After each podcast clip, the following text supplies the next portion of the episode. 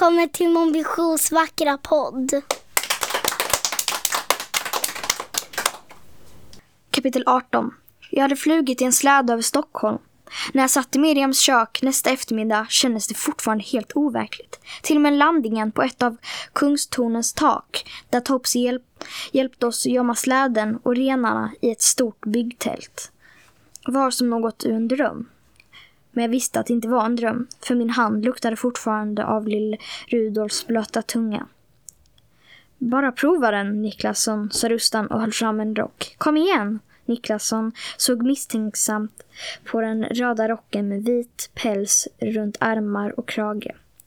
Är det en damkappa? Nej, det är ingen damkappa, suckade Miriam. Den är snygg och varm, precis i, och precis i din storlek. Niklasson drog motvilligt på sig rocken, men den passade faktiskt inte alls.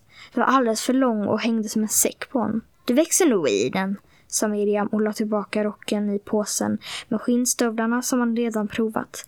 Vi tar med den ikväll. Niklasson grymtade. Jag begriper inte vad, vad jag ska göra i en leksaksaffär vid midnatt, sa han och slätade till skägget. Butiken har ju stängt då. Förresten har jag inga pengar. Rustan tog upp sin mobil. Eh, den var inte riktigt lika skruttig som Lilla Hajs, men nästan. Oroa dig inte för det, sa han. Se till att vara på plats så ordnar skorstensbarnen resten. Medan Rustan ringde runt för att samtala alla skorstensbarn höll Miriam, Issa och jag Niklassons sällskap. Mago kom efter en stund och satte sig hos oss i salongen. Hon skrev jämt ett brev till sin pappa och jag hjälpte henne att hitta frimärken till det. Jag sa ingenting om att jag inte trodde hennes pappa någonsin skulle komma. Vissa saker behöver man inte berätta fast man vet dem. Niklasson hade varit piggare de senaste dagarna. Även om man inte riktigt förstod vad det var Rustan planerade så märktes det att han var förväntansfull. Nu satt han i Miriams soffa och knäckte nötter medan Issa och jag lekte med dockskåpet. Det är väl märkligt, sa Niklasson. Jag har haft en melodi i huvudet hela dagen. Så här. Han hummade ett stycke och jag hörde direkt vad det var. En jullåt som heter Jag som mamma kyssa tomten.